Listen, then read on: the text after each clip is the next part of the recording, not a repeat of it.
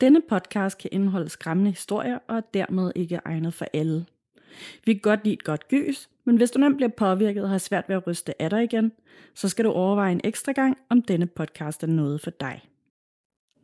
Du lytter til et afsnit af Gåsehud.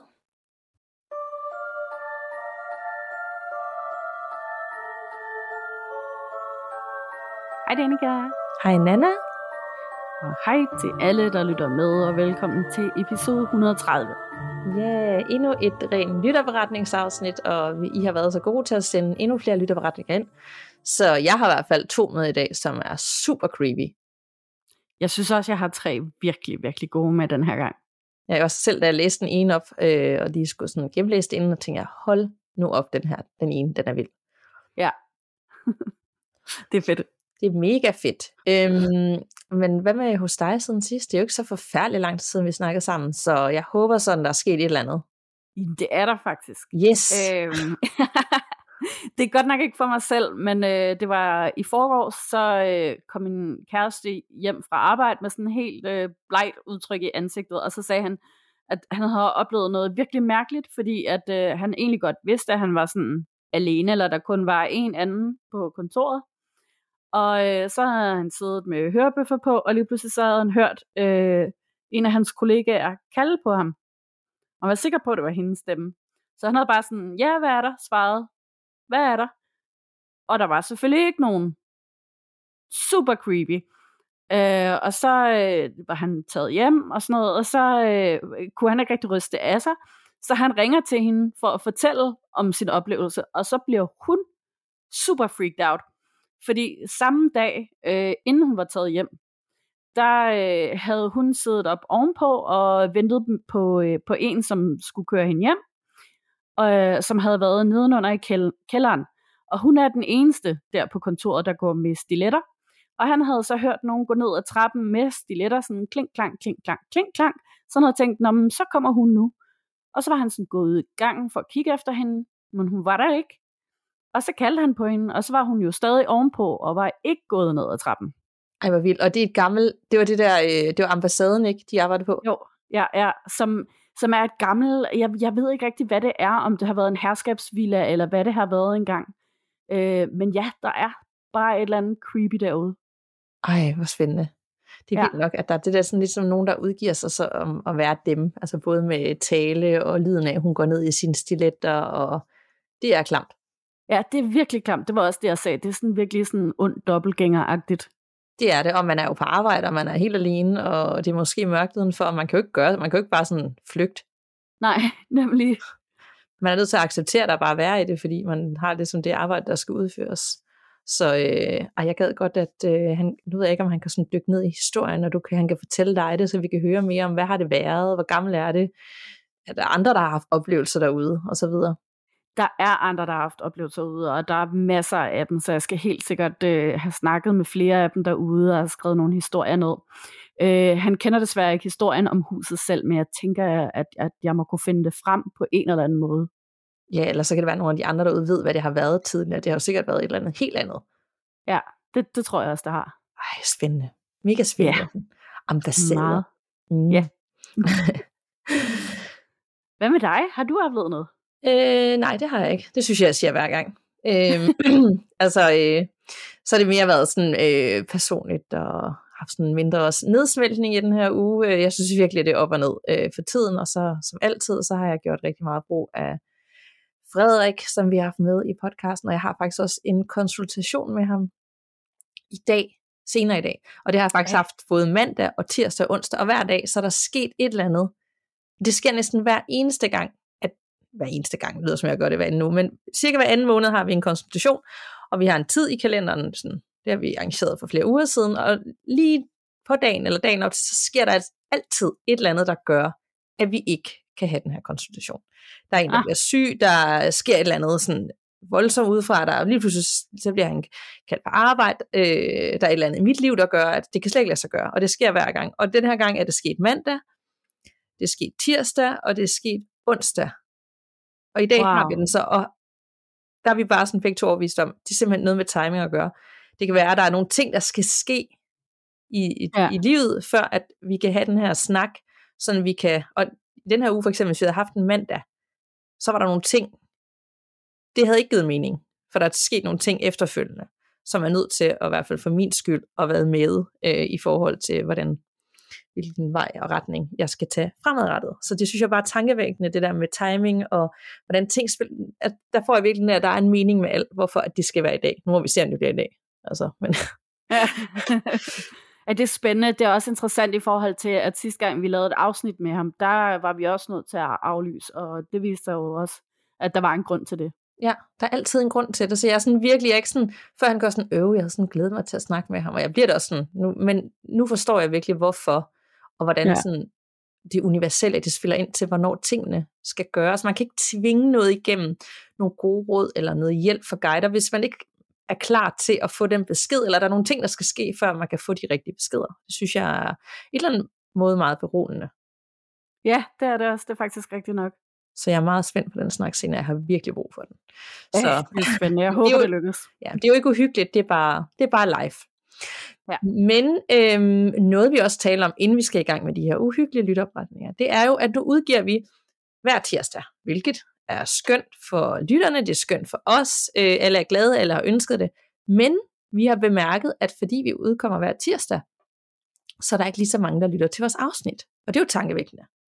Ja, øh, det, det kom meget bag på os. Vi havde faktisk regnet med, at det, det ville være det samme, at folk bare ville være glade for, at nu var det hver uge. Øhm, så det virker som om, der er nogen, der er faldet fra, og det kan jo være af mange grunde. Men vi kunne også godt tænke os at høre, hvad nogle af de grunde kunne være. Måske er der, der, der er måske nogen, der synes, at det er blevet lidt kedeligt, eller at det simpelthen er for tit, så de kan ikke nå at følge med mere. Ja. Øhm, og det ja. kunne godt, og der har vi talt lidt om, fordi det er jo et hobbyprojekt, og det er jo ikke øh, en, en forretning for os, at hvis vi kan udgive øh, hver 14. dag, øh, så arbejder vi også mindre, men vi vil have dobbelt måske så mange lytter på afsnittene. Og det giver jo god mening for os, der har gang i, i alt muligt andet. Så det er ikke nødvendigvis, altså det er ikke så spændende måske, fordi det er hver uge. Det lyder forkert, for jeg er sikker på, at der sidder mange der og tænker, nej, I må ikke gå tilbage til hver 14. dag. Men det er jo også work uh, smart, not hard agtig tilgang, jeg har til det meste. Ikke? Så hvis at jeg halverer lyttertallene på, at vi udkommer hver tirsdag, så giver det ikke mening i mit hoved. Nej, det er nemlig lige det, fordi det er virkelig meget tid, vi, øh, vi sætter af til det her hver uge. Øhm, og det, det, kan, det kan rigtig godt mærkes på alt det andet, vi også skal i løbet af en uge, at, øhm, at det, det er mere nu, end det var før. Ja. Så, øh, så, så vi vil rigtig gerne vide, vi vil også totalt åbne over for alle mulige forslag. Øhm, vi har selv rigtig mange idéer, men især nu, hvor vi udkommer en uge, så er det også lidt sværere at kunne implementere noget nyt, eller lave lidt om i formatet. For eksempel sådan noget med at begynde at øh, selv lave måske nogle, øh, nogle fiktive historier, eller begynde at læse fiktive historier op fra, fra jer lyttere. Så, så ja, sig, sig, sig frem. Ja, og så har jeg måske også en bøn, det er, fordi jeg øh, håber da, at der er mange derude, der elsker at lytte med, også for ugebasis, at faktisk vi kan godt i flok løfte. Så en ting er, at man selv lytter, man faktisk anbefaler det til venner. Det er så tit, jeg i hvert fald selv har t- snakket med mine venner og bekendte om, oh, hvad lytter du til af podcast? Og så taler man om det, om jeg kan anbefale den her. Øh, en ting er selvfølgelig at skrive anmeldelser og sådan noget, men de der personlige anbefalinger til folk, man kender på arbejdspladsen, øh, i studiet, venner, familie, øh, det er jo sådan, skaber ringe i vandet, og det er jo den måde, vi når ud til flere. Øhm, så det er måske, en, hvis man vil give lidt igen til os, som har lavet det her i rigtig mange år, så er det i hvert fald en af de måder, der giver rigtig god mening. Og det, lyder, det skal ikke lyde som om, vi ikke værdsætter alle dem, der lytter med, for der er jo rigtig mange tusind, der lytter med. Det gør bare lidt ja. ondt i hjertet, når man ser sådan, at man arbejder hårdere, men, men der er færre, der lytter med. For så, så er der noget i mit hoved, der, sådan, der er et eller andet her, der ikke giver helt mening. Ja, lige præcis. Der, der er noget, vi skal have fat i her. Yes, ja. og det, vi skal nok, vi prøver at arbejde på at finde ud af, hvad det er, og hvordan vi skal løse det, men indtil da, hvis du synes, at det vi laver er godt og uhyggeligt og skræmmende og ja, gør en lille forskel i din hverdag, så må du meget gerne anbefale os videre til nogen, du kender. Nemlig. Nu gider jeg heller ikke trække den længere, fordi jeg synes selv, øh, at vi har nogle rigtig gode lytopretninger med, og jeg glæder mig sådan til at høre din første. Yes, så lægger jeg ud med en anonym her, som faktisk er en opfølgning. Hej. Tusind gange tak for det store arbejde.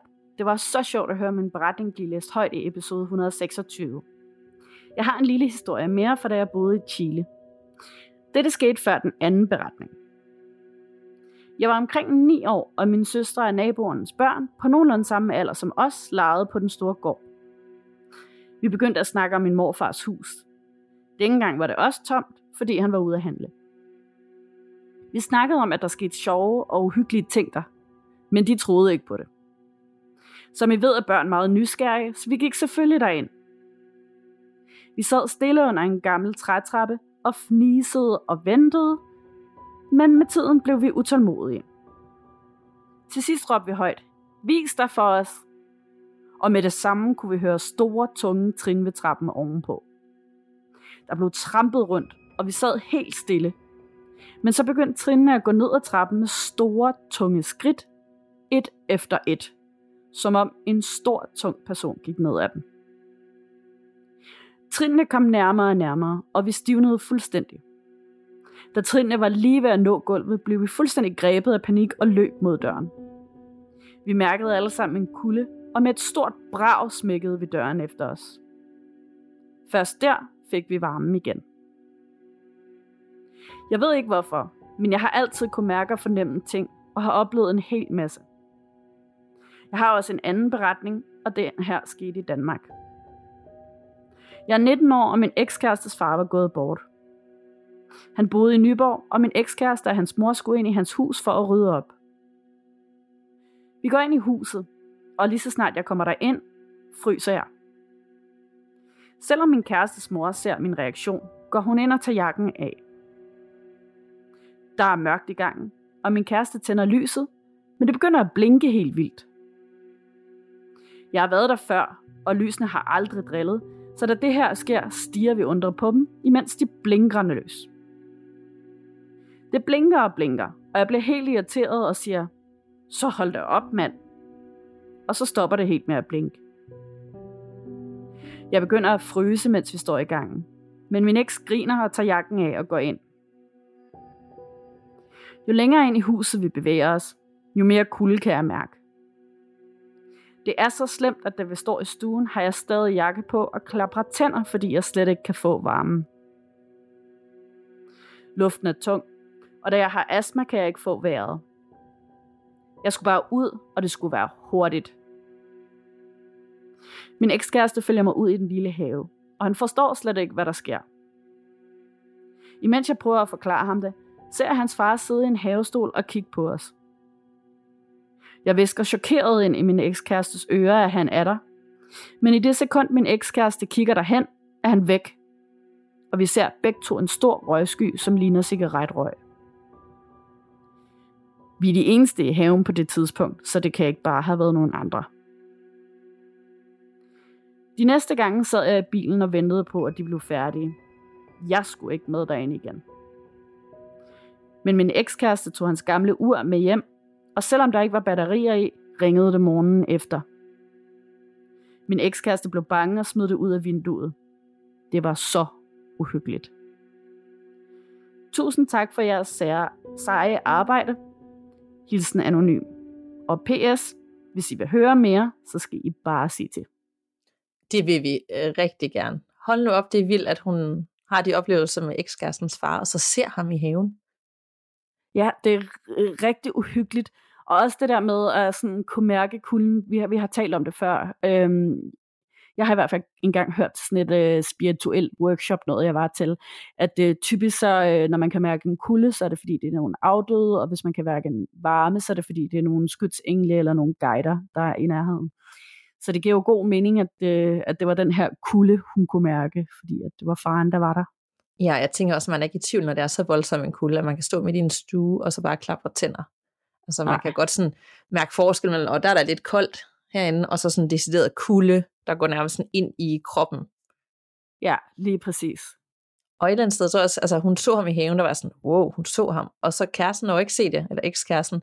Men alligevel ser de begge to den her røgsky. Det synes jeg var meget fint. Sådan, okay, der var faktisk noget. Det er ikke bare, hun godt har sagt, han var lige der, og så var han væk, og så kunne han sige, hvad snakker du om? Ja, lige præcis.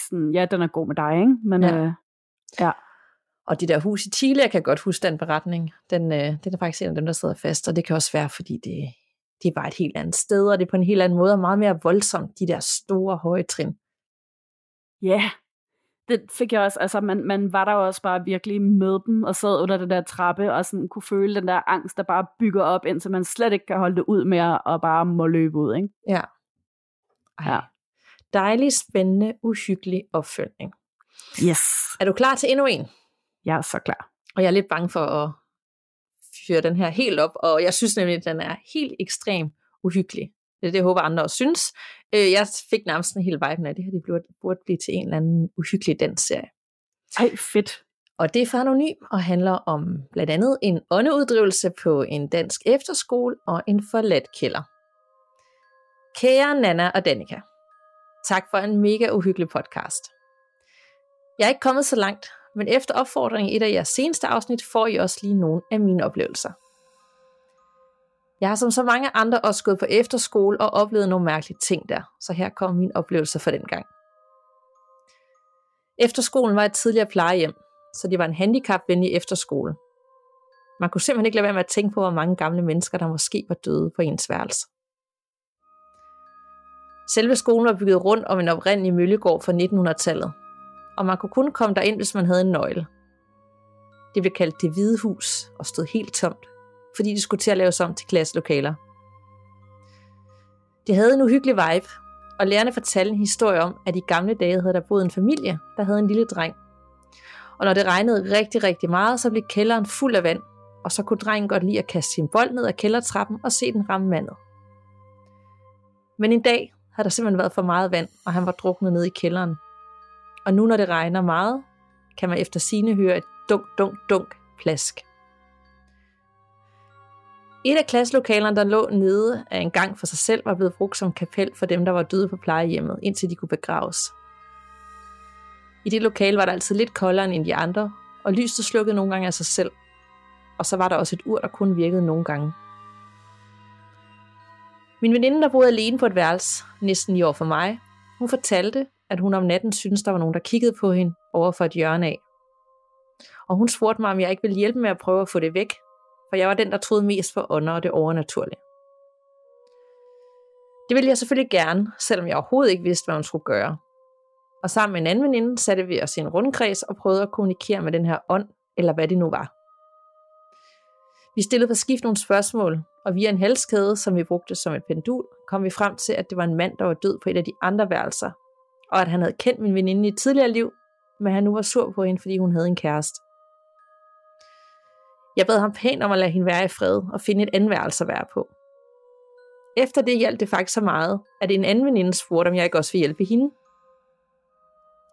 Hun fortalte, at siden hun var helt lille, havde hun været for fuld af den her ånd, som hun kaldte røde. Faktisk flade det hende så meget, at hun blev nødt til at tage sovemedicin for at kunne sove om natten, og hun hele tiden følte, at hun kunne mærke ham. Den her gang valgte vi at gøre det et sted, hvor vi kunne være i fred og få en bedre forbindelse til Røde, da det jo ikke var et værelse, han var knyttet til, men min veninde. Derfor sneg vi os over i det hvide hus midt om natten via en dør, vi havde glemt at låse tidligere. Vi valgte et tomt værelse, der lå for enden af en gang, sådan så man ikke kunne se, der var lys, hvis nu der nogen kom nogen. Vi havde alle helt hvidt tøj på, udover min veninde, der var i helt rødt, for at forstærke forbindelsen til røde. Vi fyldte værelset op med 30 sterinlys, for det var den alder, min veninde følte røde havde. Det må have set ret så dramatisk ud, hvis nogen kom ind midt om natten i et forladt tomt værelse med tre piger i hvidt tøj og en i rødt, kun lyst op af 13 eller 30 sterinlys. Nå, men vi gik i gang, og dengang var det kun min veninde, der stillede spørgsmål til Røde, og mig, der holdt pendulet. Det blev lige pludselig meget alvorligt, og der kom en meget trykket stemning. Det var nogle meget personlige ting, min veninde spurgte om, og det endte med, at hun begyndte at græde. Til sidst bad vi alle sammen Røde om at lade hende få fred, og sluttede af med at prikke hul i fingeren og lade en dråbe blod være på pendulet, som vi efterlod i værelset.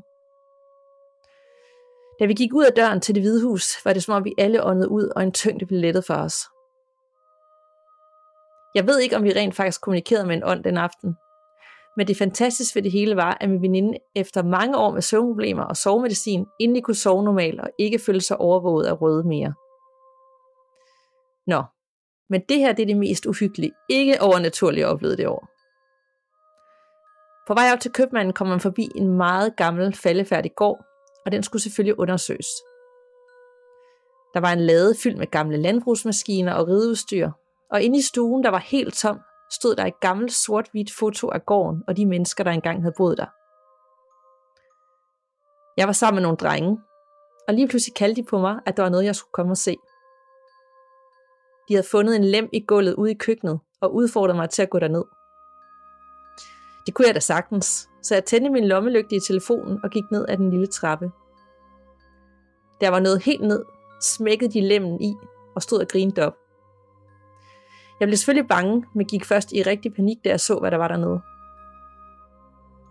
Kælderen var ikke særlig høj, måske halvanden meter, så man stod med bøjet ryg, og gulvet var af jord, og væggene var store sten. Rummet var meget lille, og man kunne næsten røre begge vægge med armen. I hjørnet stod der en trækasse med eller en form for kiste, fyldt med nogle stenplader. Og da jeg kiggede efter, var det gravsten.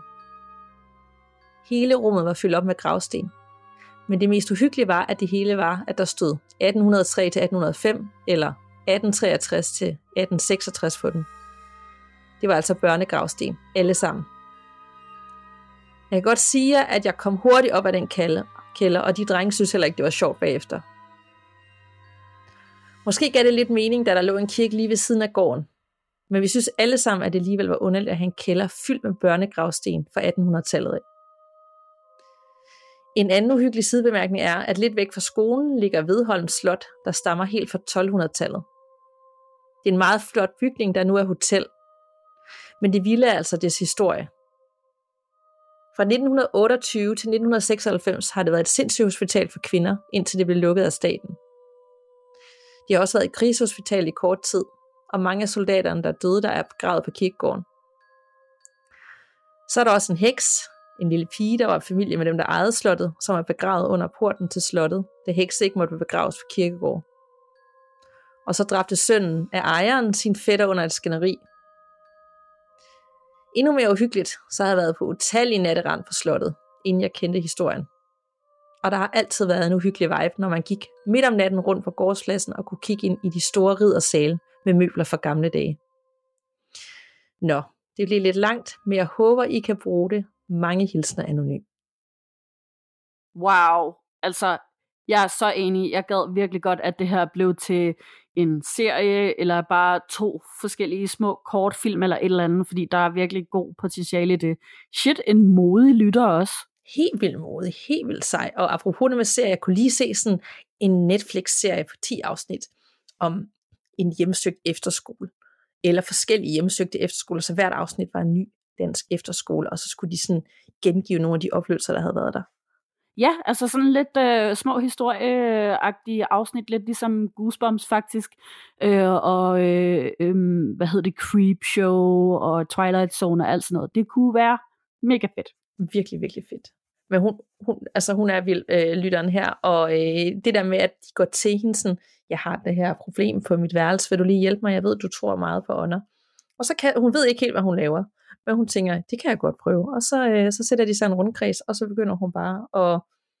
Den der med den ene øh, veninde, der havde den der røde, der fulgte efter hende, det var ikke engang på værelset, det var bare noget, hun altid havde følt. Og de så går over på det der, det hvide hus. Ja. Og, og helt hvidt tøj, men ikke hende, hun skal have rødt på. Altså, det er så gennemtænkt. Og alligevel bare sådan, jeg kunne næsten se det for mig.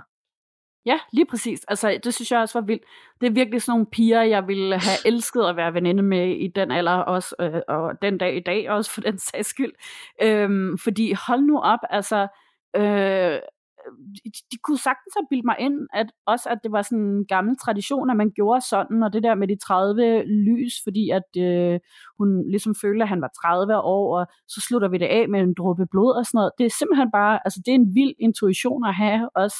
Ikke? Ja, altså. ekstremt kreativt, og at, hun, at det så faktisk hjalp, og hun fik fred. Det var da bare en, øh, en fantastisk bonus. Ja, mega. Og så er jeg øh, også vild med, at hun lige kommer ind med den der øh, beretning om øh, den her gamle faldefærdige gård, de bare skal undersøge. Og så de der drenge, de lukker lemmen over hende, når de får hende til at gå ned. Hun er så sej at gå ned, og så lukker de den og begynder at grine.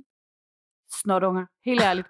Det var ikke okay. Det må man altså aldrig gøre, fordi man kan få panikangst og klaustrofobi og sådan noget. Så det må jeg altså love mig, at I aldrig må gøre derude, øh, fordi au, au, au, det, ja. det er ikke sjovt. Jeg fik det også helt fysisk dårligt, når hun fortalte men hun virker så, så super cool, så hun kunne være det, lige indtil hun så så, at der var børnegravsten over det hele, og det vil jeg nok. Og så sådan en lille rum samtidig, og man er bare sådan nærmest begravet i de her gravsten. Jeg kan godt forstå, at hun, hun var øh, sådan helt, ah, det her det er for voldsomt. Ja, jeg har virkelig også, altså totalt, jeg sidder og ryster over hele kroppen sådan med gåsehud.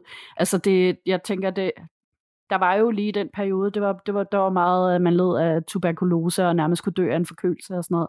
Og øh, der var især stor dødelighed øh, blandt små børn, så, øh, så ja, puha, ja. et eller andet sted har de jo skulle begrave dem også, ikke? Ja, og det kan være, der var ikke lige var plads til flere derhen, så og det er meget sandsynligt, fordi det var også lige den periode, hvor alle de her assistenskirkegårde opstod rundt omkring, hvor, fordi der simpelthen ikke var plads på de almindelige kirkegårde, der hørte til kirkerne. Så man var nødt til at lave flere steder øh, for at kunne begrave folk. Ja, og jeg gad godt, nu nævner hun ikke, hvad skolen hedder, men hun siger, at lidt væk fra skolen ligger Vedholm Slot, og det var jeg inde og google. Og det ligger åbenbart i Forborg, som er vel på Sydfyn. Ja, det er det. Øhm, og så gad jeg godt vide, hvad den her skole er, som været et tidligere plejehjem, øh, hvad det er for en efterskole, vi er ude i, for det synes jeg ikke, jeg kan se. Nej, altså det er jeg nødt til at undersøge. Jeg har været i Forborg øh, tre sommer i træk, og jeg elsker Forborg. Det har du været på det der slot? Mm, jeg kan ikke huske, om det var det slot, men det, det har det muligvis været. Det skal jeg lige undersøge, om det har været. Så var det vildt, at det var et hotel nu, men det har så været et sindssygt hospital i nærmest 100 øh, år, og krigshospital, og der er begravet en pige under porten. Altså, jeg, tanken om, at jeg skulle hygge mig og sove på det hotel, det er meget fjern fra mig. ja, det er det. Sikke en beretning fra ja. den her anonyme lytter. Fuldstændig fantastisk og uhyggelig, og ja, tak for den. Yes. Huha. Nå, er du klar til en mere her? Det er jeg. Godt. Den er også fra Anonym. Kære ud podcast. Jeg har egentlig aldrig selv oplevet noget overnaturligt, men jeg er helt overbevist om, at der sker mere mellem himmel og jord, end vi går og regner med. Jeg har oplevet to situationer, hvor jeg ikke er i tvivl om, at der er mere på spil. Som baggrundsinformation er jeg sygeplejerske, og historierne sker i relation til det. Første episode sker, da jeg sammen med min familie skal ned i min farmors campingvogn for at spise aftensmad. Den ligger på en afsides campingplads, som ikke har særlig mange gæster – da vi kommer derhen, mødes vi af en kvinde, som febril spørger, om vi kan førstehjælp. Da jeg på det her tidspunkt er studerende, løber jeg hen til stedet for at hjælpe en anden kampist, som allerede er i gang med hjertelungeredning. Manden er afgået ved døden, og da vi efterfølgende snakker med hustruen, finder vi ud af, at den nu afdøde mand om natten havde drømt om, at fladet på campingpladsen flade på halvt, fordi at der var en campist, der var død.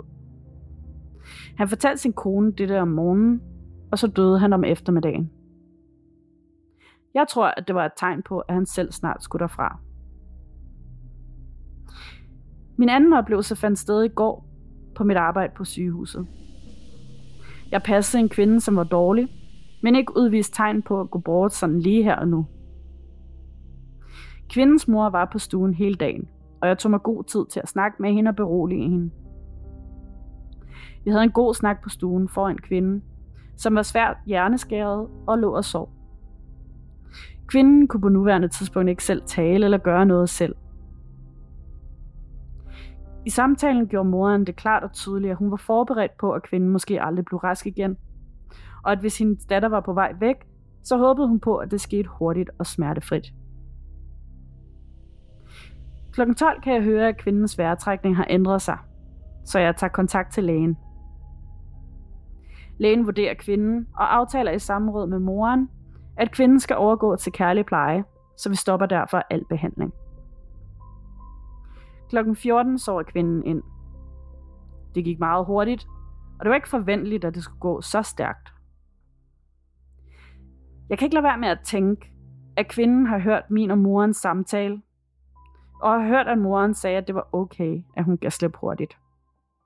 Hvad tænker I? Venlige hilsner sygeplejersken. Ej, ej, ej, det er virkelig øh, vildt det der med, at den ene har nærmest forudset øh, sin egen død, og den anden ja. får ligesom et go til at, at give slip.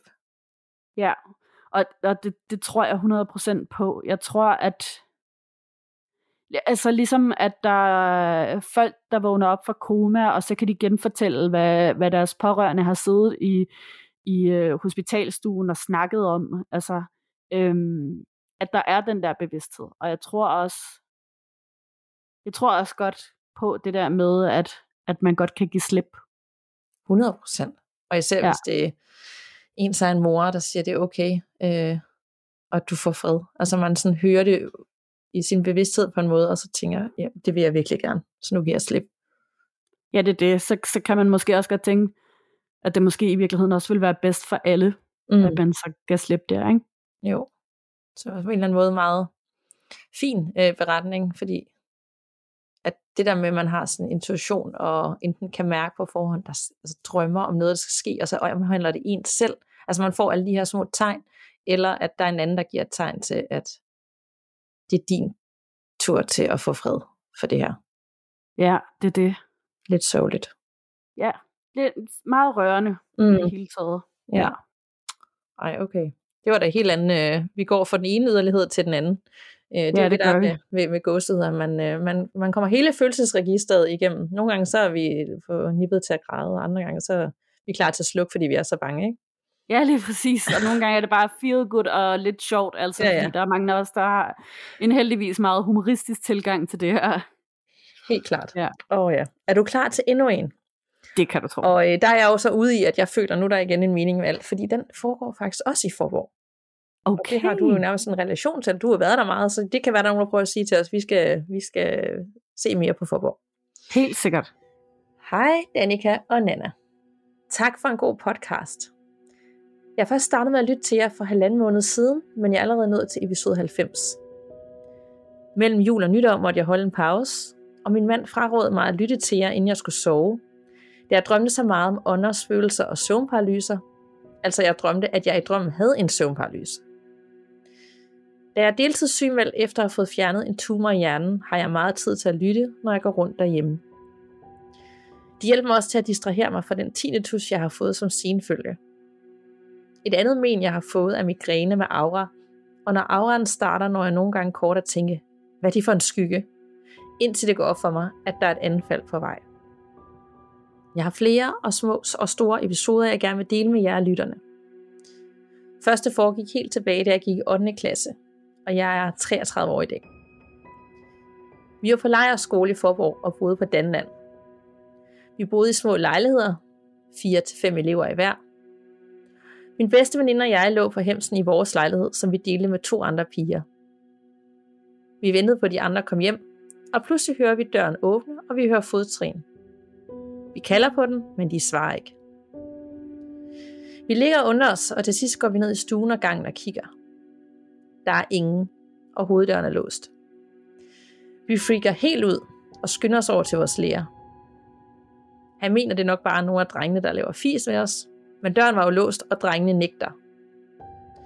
Senere kommer de to andre piger tilbage, så det har heller ikke været dem. Vi var sikre på, at det var et følelse, men alle siger, at vi bare overreagerer, og der nok er en naturlig forklaring.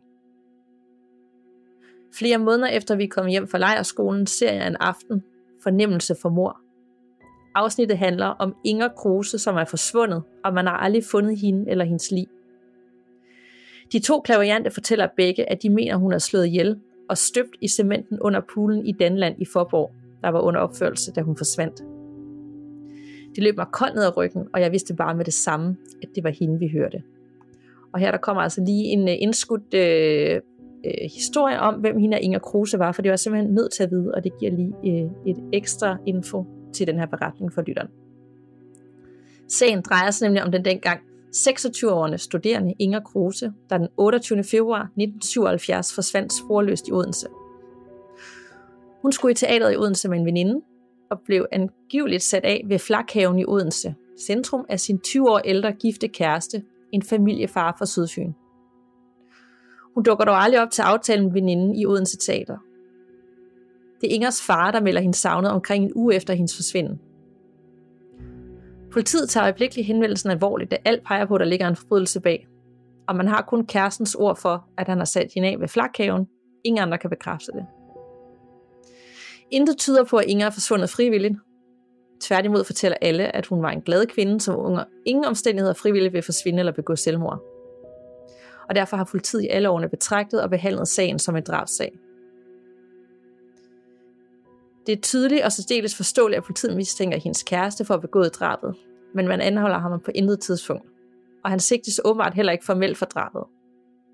Man anser Ingers lejlighed i Odense for gerningsstedet. Der bliver foretaget nogle kriminaltekniske undersøgelser, og teknikerne finder faktisk også nogle rester af blod, men det er for lidt til, at det kan typebestemmes, for DNA kender man ikke til dengang i 1977. Kæresten nægter trods mange afhøringer en hvert kendskab til drabet og fastholder sin forklaring om, at han og Inger spiser sammen i hendes lejlighed, og han derefter kører hende til flakhaven og returnerer til, sin, til hendes lejlighed, hvor han vasker op efter middagen og gør rent. Herefter kører han hjem til sin familie på Sydfyn. Livet af Inger er den dag i dag ikke dukket op. Og så fortsætter vi lige til den næste beretning her for lytteren. Anden fortælling handler om søvnparalyse. Mine forældre, bror og svigerinde var i sommerhus, da jeg var cirka 20 år gammel. Og en nat vågner jeg. Eller mine øjne og hjerne vågner. Døren til det lille værelse, jeg ligger i, er lukket, og foran døren er der en sort skygge, men omgivet af noget lys for en måde. Jeg bliver så bange, og jeg forsøger at skrige, men der kommer ingen lyd. Jeg føler, at skyggen kommer nærmere, og den er helt tæt på at lykkes dem at komme ud af paralysen. Dog fik jeg ikke sovet meget mere den nat, og det var først mange år senere, jeg fandt ud af, at det nok bare var en klassisk søvnparalyse, jeg oplevede. Det hus, min familie og jeg bor i, er et dødsbo. Jeg ved ikke, om det gør noget ved energien i huset, men min store dreng på 5 snakker om, at han er bange for, at der flyver spøgelser ind af vinduet over hans seng. Hans seng står der, hvor den tidligere ejers skrivebord stod, så jeg ved ikke, om min søn reelt har set den tidligere ejer være forbi der eller hvad. Her til aften skulle vi ned og have nattøj på min dreng. I gangen har vi spots, og nogle af dem er gået ud, andre blinker nogle gange, og nogle stopper med at lyse, for så lige pludselig at begynde at virke igen næste dag. Nå, men til aften begynder det ene spot lige over mig at blinke på en måde, jeg ikke har oplevet med de andre før.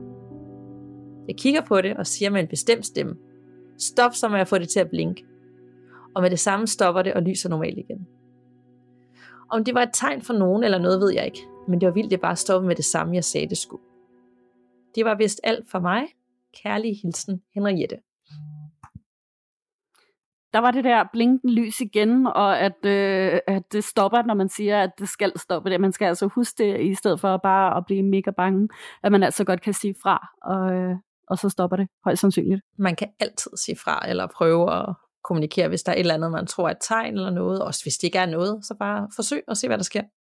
Ja, men shit, en vild historie om, øh, hvad hed hun igen? Inger Kruse. Jeg havde ikke, Inger Kruse. Øh, jeg havde ikke hørt om den her drabsag før, eller som de antager en drabsag, for der er jo ikke noget lige, så man kan jo ikke 100% sige, øh, at det er det, men alt tyder på det, og hun er sporløst forsvundet, og familien har jo, alle betragter det som en drabsag. Men der er ikke ja. noget, noget lige, der er ikke nogen, og det der 1977, altså når du ikke har DNA, hvis det havde været i dag, altså ud fra mig, og jeg skal ikke dømme nogen, så lyder det jo virkelig som om, at den her gifte familiefar, der sikkert har en affære med Inger, øh, gerne vil af med Inger, fordi at, ja, så skal han ikke forholde sig til det mere, og han har en familie derhjemme, og så, øh, så gør han det. Ja, og det er jo desværre nogle historier, man hører øh, alt, alt for tit. Øhm, og når det sker, at kvinder forsvinder eller bliver myrdet, så er det jo som regel øh, en elsker eller en eller anden mand, der i hvert fald har begået drabet i affekt eller jalousi eller noget af den stil. Ja, og så var jeg sådan lidt, jeg, jeg, jeg ved ikke, om jeg kan huske det program, hvad hedder det, Fornemmelse for mor, hvor nogle klaviante skal ligesom til det dig noget, tune ind på, hvad der er sket med de her formodet dræbte personer. Øh, ja, jeg kan, jeg kan godt huske det, og jeg kan huske, jeg var sådan øh, blæst bagover af et afsnit, øh, hvor at øh, fordi det, det, var, det var, konceptet var, at det, det var en uopklaret drabsag. Og øhm, så tog de en klaverjant med til nogle steder, øh, og viste muligvis nogle genstande. Det kan jeg ikke helt huske, om det var så meget. Men i hvert fald skulle de her klaverjente overhovedet ikke have fået noget kendskab øh, af produktionsholdet om de her drabsager inden optagelserne. Og der var nemlig et afsnit, hvor at, øh, der var den her mandlige klaverjant, der øh, begyndte at fortælle om øh, et kvindelig, der var blevet fundet i en mavlgrav øh, tæt ved herfølge, følge, hvor min far bor. Og jeg var simpelthen sådan, det var meget øh, detaljeret på en måde, hvor jeg tænkte sådan, det æder med vildt. Hvis det der rent faktisk er ægte, og at de ikke bare har snydt ved at give ham nogle detaljer, inden de gik i gang, så er det sat med vildt. Det er mega... Altså, de fandt livet? Øh, nej, det tror jeg ikke. Okay. Det, jeg, jeg, jeg, kan ikke, jeg kan ikke helt huske, hvordan det spillede sig ud, men hold kæft, hvor gad jeg egentlig godt at se den serie igen. Ja, jeg sad i hvert fald og tænkte, de her klavianter, der siger, at de mener, hun er slået ihjel, og hun er støbt i cementen under poolen i Danland, der var under opførsel, da hun forsvandt. For tænk ja. at arbejde eller eje Danland i forvår, sådan mange år efter, at have den her pool, og tænke, shit, øh, hvordan skal man lige forholde sig til det? Ja, man kan jo ikke grave det op, fordi der er nogle klavianter, der har sagt, det kan være, hun ligger nede i cementen. Nej, det, det er rimelig dyrt, ikke? Altså, altså det kan ja. man jo ikke, men om det er sådan lidt, det er jo heller ikke uh, godt for business, at uh, der er nogen, der har sagt det. Altså du ved, jeg er sådan lidt, hvor, hvor er det bare vildt et program egentlig? Ja, det er det. Altså, hvad vil man selv gøre i den situation? Altså, jeg, jeg sidder her og tænker, grav den op, grav den op. jeg kan godt forstå, at, at det har ejerne måske ikke lige lyst til. Jamen, jeg tænker, altså, så skal det være, på et eller andet tidspunkt, så skal det her laves om. Eller, du ved, der skal en ja. ny pool, den er så gammel, ikke? Øh, hvis det er helt tilbage fra 70'erne, og så, så støder de jo, altså før eller siden, så støder de jo på det, hvis der er noget i det her, ja. tænker jeg. Så kommer der et eller andet skelet frem, og så kan man øh, vel forhåbentlig, jeg tænker, der er jo også noget familie derude, 1977, der aldrig har fået svar på, hvor den her 26-årige kvinde er.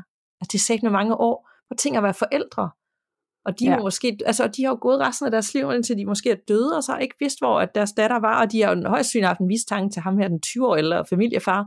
Men de har ikke nogen øh, beviser, og så skal de bare leve videre. Det er da fuldstændig forfærdeligt. Det er noget af det mest forfærdelige, jeg overhovedet kan forestille mig. Så hvis nogen af jer, der lytter med derude, kan huske sagen om Inger Kruse, eller er fra Odense, eller har hørt om det, eller har set det her program, så giv en lyd om, øh, hvad I tænker, og ja, og generelt det der med, når nogen klaviant sådan kobler en, nogle overnaturlige oplevelser til, at om, så kan det være, at det faktisk er koblet på et eller andet, en, der er blevet myrdet. Altså hvordan man bruger spirituelle folk til ligesom at tune ind på, hvad der kan være sket i øh, drabs efterforskning. Burde man gøre det noget mere, eller er det bare sådan et, det, det er jo ikke videnskabeligt, det er jo gætterier, ikke? Mm, det kan være, at vi lige skulle prøve at undersøge, øh, undersøge, om det rent faktisk er sket, eller nogen rent faktisk mener, at der er klaverjante, der har hjulpet.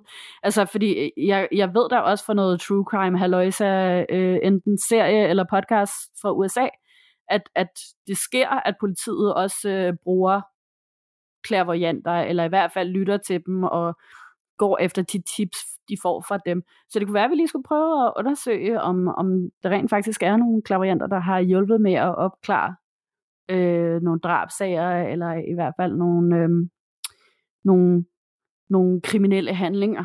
Helt klart. Og det kunne være, der kunne blive et afsnit ud af det. Det lyder som en rigtig god idé.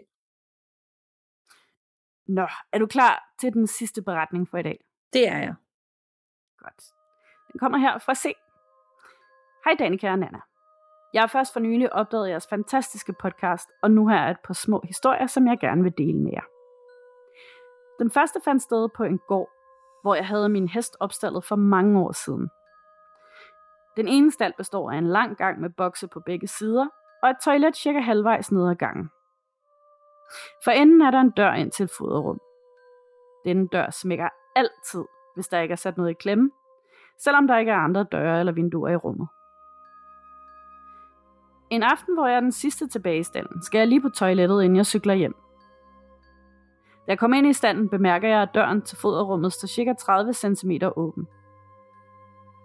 Jeg tænker, at der nok sidder et eller andet i klemme, men pludselig lukker den stille og roligt. Det, der sad i klemme, var nok bare glædet ud, tænker jeg. Men jeg går alligevel ned for at kigge. Der ligger ingenting i nærheden af døren, så det er altså noget andet, der har haft holdt den åben. Jeg glemmer alt om min fyldte blære og skynder mig hjem og fortæller ikke nogen om episoden. Det næste sker et par måneder senere.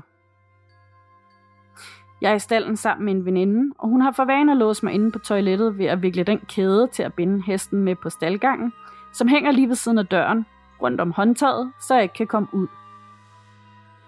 Jeg er vant til at skulle plage for at blive lukket ud. Så jeg synes, det er mærkeligt, da jeg lige pludselig kan høre, at hun skynder sig for kæden af. Hun fortæller mig så, at døren ind til foderummet havde åbnet sig cirka 30 cm og været åben et par sekunder, for derefter at have lukket sig igen. Jeg har også en anden historie fra samme gård, men det er kun noget, jeg har fået fortalt, da det skete, før jeg selv kom dertil. Så hvor meget sandhed der er i det, det ved jeg ikke. Men uhyggeligt er det i hvert fald. Der var en bestemt boks i en af stallene, hvor hestene altid blev skøre, når de stod i den. Så snart de blev flyttet til en anden boks, blev adfærden normal igen. Inde i boksen sad der et stykke metal, der lidt lignede en stor nøgle uden takker, som skulle have været varm at røre ved. Flere af opstallerne gik sammen om at få en klaverjant ud, som fortalte, at der sad en lille pige i hjørnet af boksen.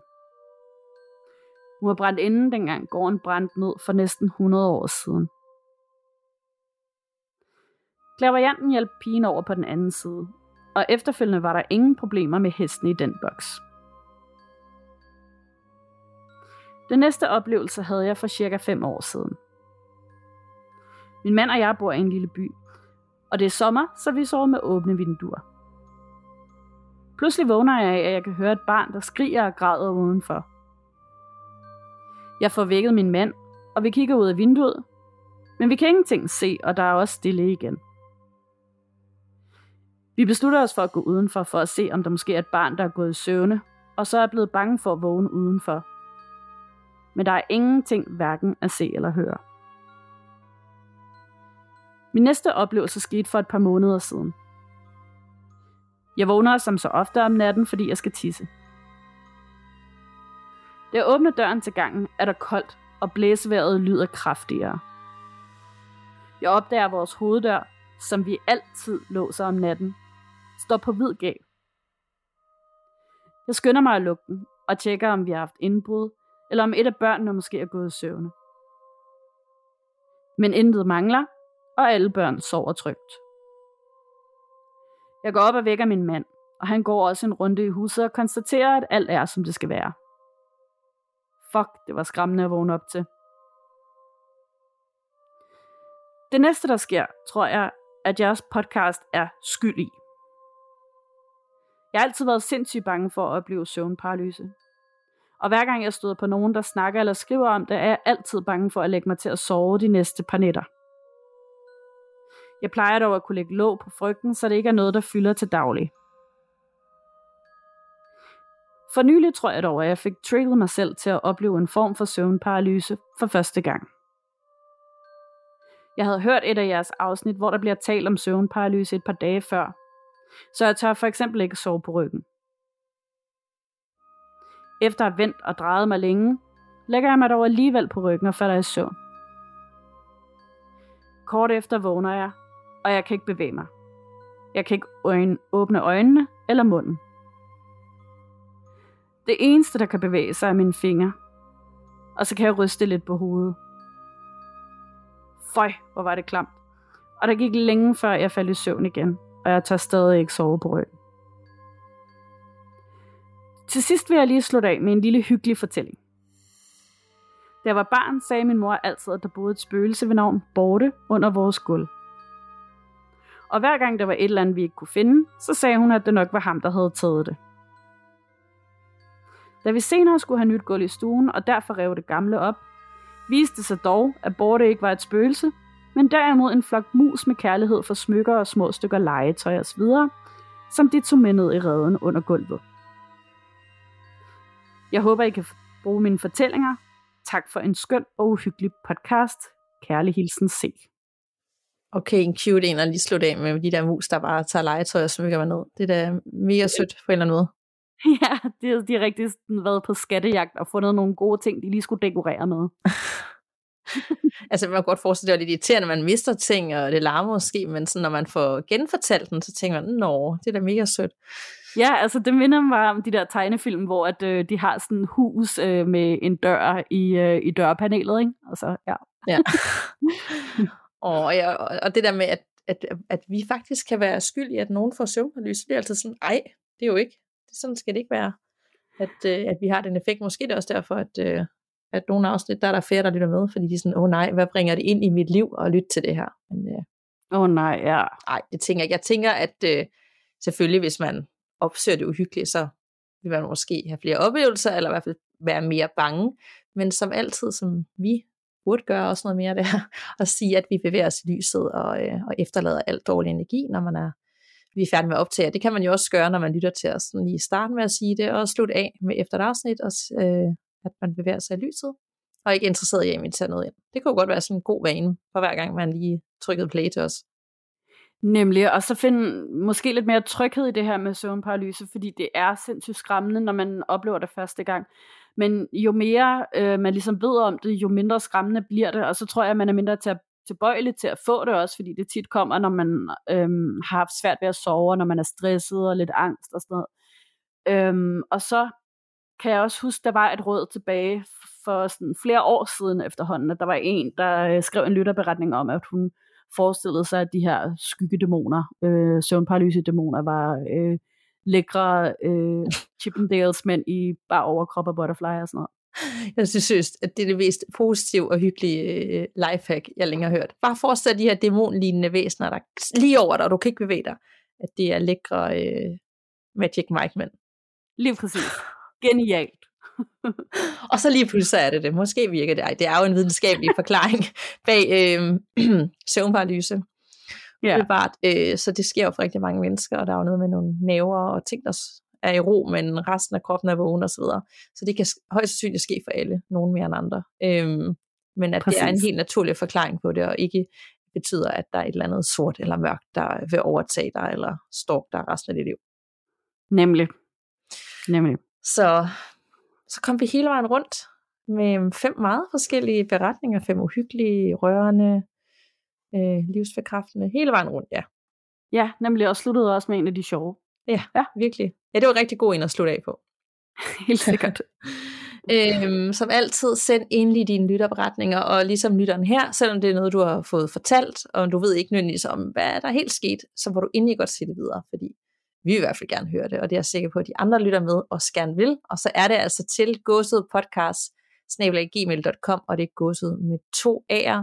Øh, skynd dig ind på Instagram og følg med ind i Facebook-gruppen. Skriv en anmeldelse, giv os en bunke stjerner. Og så skal vi også lige sige tusind tak til den lytter. Var det Thomas, der har lavet den af illustration af os, der sidder og optager over en mikrofon med et følelse i midten? Nemlig, den var så fed. Ej, hvor var den fed. Det var mega ja. fedt. Gid, så fedt, at folk gider bruge tid på øh, at sidde og illustrere det, og vi så får lov til at bruge det. Det skal ja. vi lige, øh, hvis ikke du har set den, så skynd dig i Facebook-gruppen, og vi kan også lige dele på Instagram, fordi wow, det var fint lavet. Mega fint. Tusind tak for det. Så vi snakkes jo ved lige om lidt, Nana, fordi nu optager vi jo hele tiden. Og øh, som sagt, så må du meget gerne, dig der lytter med, tænke lidt over, hvad det er, der gør, du måske ikke lige får lyttet til alle afsnit. Er der for mange? Skal det være to uger imellem igen? Er der noget tips og feedback, du tænker, vi skal have, så send det vores vej. Nemlig. Så tak for snakken, Nana. I lige måde. Vi lyttes ved. Og pas på derude. Man ved jo aldrig, hvad der venter bag næste dør.